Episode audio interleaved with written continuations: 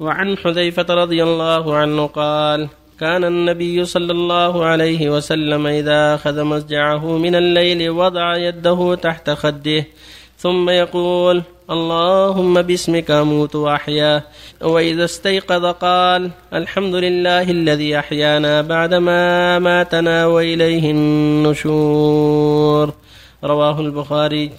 وعن يعيش بن التخفة الغفاري رضي الله عنه قال قال أبي بينما أنا مضطجع في المسجد على بطني إذا رجل يحركني برجله فقال إن هذه ضجعة يبغضها الله. قال فنظرت فإذا رسول الله صلى الله عليه وسلم رواه أبو داود بإسناد صحيح.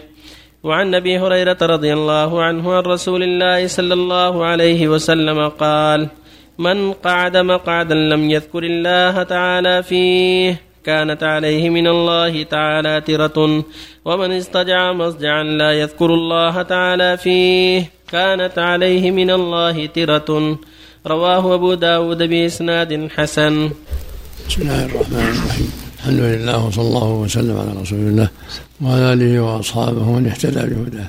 أما بعد فهذه الأحاديث فيها بيان سيرته عليه الصلاة والسلام في نومه ويقظته وحثه الأمة على الإكثار من ذكر الله في القعود وفي اليقظة وعند النوم. المؤمن ينبغي له أن يكون كثير الذكر لله. قالت عائشة رضي الله عنها كما تقدم كان الرسول يذكر الله على كل أحيانه. وفي هذه الأحاديث دلالة على أنه صلى الله عليه وسلم إذا اضطجع لنومه وضع يده اليمنى تحت خده الأيمن. وقال باسمك ربي أحيا وأموت. اللهم باسمك أحيا وأموت. واللفظ الآخر اللهم باسمك ربي وضعت جنبي وبك أرفعه. إن أمسكت نفسي فارحمها وإن أرسلتها فاحفظها. بما تحفظ به عبادك الصالحين. وإذا استيقظ قال الحمد لله الذي أحيانا بعدما أماتنا وإليه النشور. يستحب المؤمن أن يفعل كما فعله النبي صلى الله عليه وسلم. وفي الحديث الثاني دلالة على كراهة الضجعة على البطن وأن هذه الضجعة يبغضها الله عز وجل فأقل الأحوال كراهتها. فينبغي المؤمن ألا ينام على بطنه إذا كان أحب النوم ينام على ظهره أو على جنبه على أحد جنبيه يترك النوم على البطن. كذلك الحث على ذكر الله ومن قعد المقعد أو اضطجع مضطجع لم يذكر الله كان عليه تراه يعني حسرة يعني يتندم يحب أنه أن ذكر الله فيه. يعني يندم على مجالسه واضطجاعاته التي غفل فيها عن ذكر الله. في اللفظ الآخر مقعد قوم مقعدا. لم يذكروا الله فيه ولم يصلى على النبي صلى الله عليه وسلم إلا كان عليه حسرة يوم القيامة. يعني كل واحد يتمنى أنه شغل هذا المقعد أو هذا المضطجع بشيء من ذكر الله جل وعلا. فينبغي المؤمن أن يكون لسانه رطبا بذكر الله. كما قالت عائشة كان يذكر الله على كل أحيان يعني قائما وقاعدا. قال الله جل وعلا إن في خلق السماوات واختلاف الليل والنهار لآيات لأولي الألباب الذين يذكرون الله قياما وقعودا وعلى جنوبهم. هكذا صفة أولي الألباب وللعقول السليمة. يذكرون الله قياما وقعودا وعلى جنوبهم. وهو ميسر بحمد الله. سبحان الله وبحمده. سبحان الله العظيم. سبحان الله والحمد لله ولا إله إلا الله والله أكبر. لا حول ولا قوة إلا بالله. اللهم اغفر لي اللهم ارحمني وما أشبه ذلك مما هو ذكر أو دعاء. وفق الله الجميع نعم.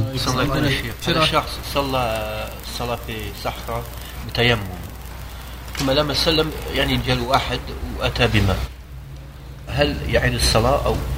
ما عنده ماء أول لا ما كان عادم. أبدا. لا ما يعيد. إذا عاد الصلاة لا ما ما عليه نعم هل في حديث يا شيخ أن إذا الشخص أراد الصلاة جاء جاء في حديث أن رجلين صليا ولمس عندهما ماء ثم وجد ماء بعد ذلك فأعاد أحدهما الصلاة والوضوء ولم يعد الآخر.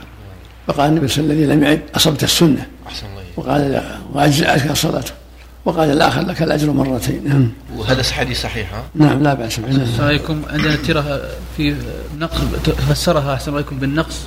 وقيل تبعه وش الصواب؟ في اللفظ الآخر حسرة يوم القيامة. فسرها النبي حسرة يوم القيامة. ملك من تعامل. نعم. تعامل الشركة هذه مع عمال الله مع المسلمين. ولا يجوز لهم نظاما أن يحجوا إلا بعد كل خمس سنوات. تقول هذه الشركة نعطي معقد مالا فنستطيع أن نحج كل سنة. إيش؟ شركه الله يجزاك الجنه عمالنا المسلمون. لا يجوز لهم نظام. ممنوعين اي يقول نعطي معقد فنحج كل سنة. إيش نعطي؟ نعطيها فلوس. بخشيش إي نعم بخشيش. ما يجوز. لا لا يجب التمشي مع التعليمات. لأن المقصود الدولة التخفيف على الحجاج. هذا صدر في قرار من هيئة كبار العلماء بأن لا بأس به لأجل مصلحة الحجاج مصلحة المسلمين. الذي قد حج الفريضة الحمد لله لكن يذكر له التحريم. ما يجوز. ولا أحسن الله أحسن الله جاءتها الدورة في رمضان ثم قضت تلك الأيام ثم أتبعتها ستة من شوال فهل ذلك الأجر؟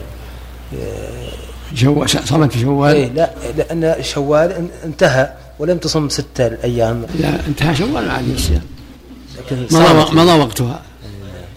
لكن تصوم كل بغت تصوم كل شهر ثلاثة أيام أو تصوم الاثنين والخميس من كل شهر كله خير. فضل الله واسع.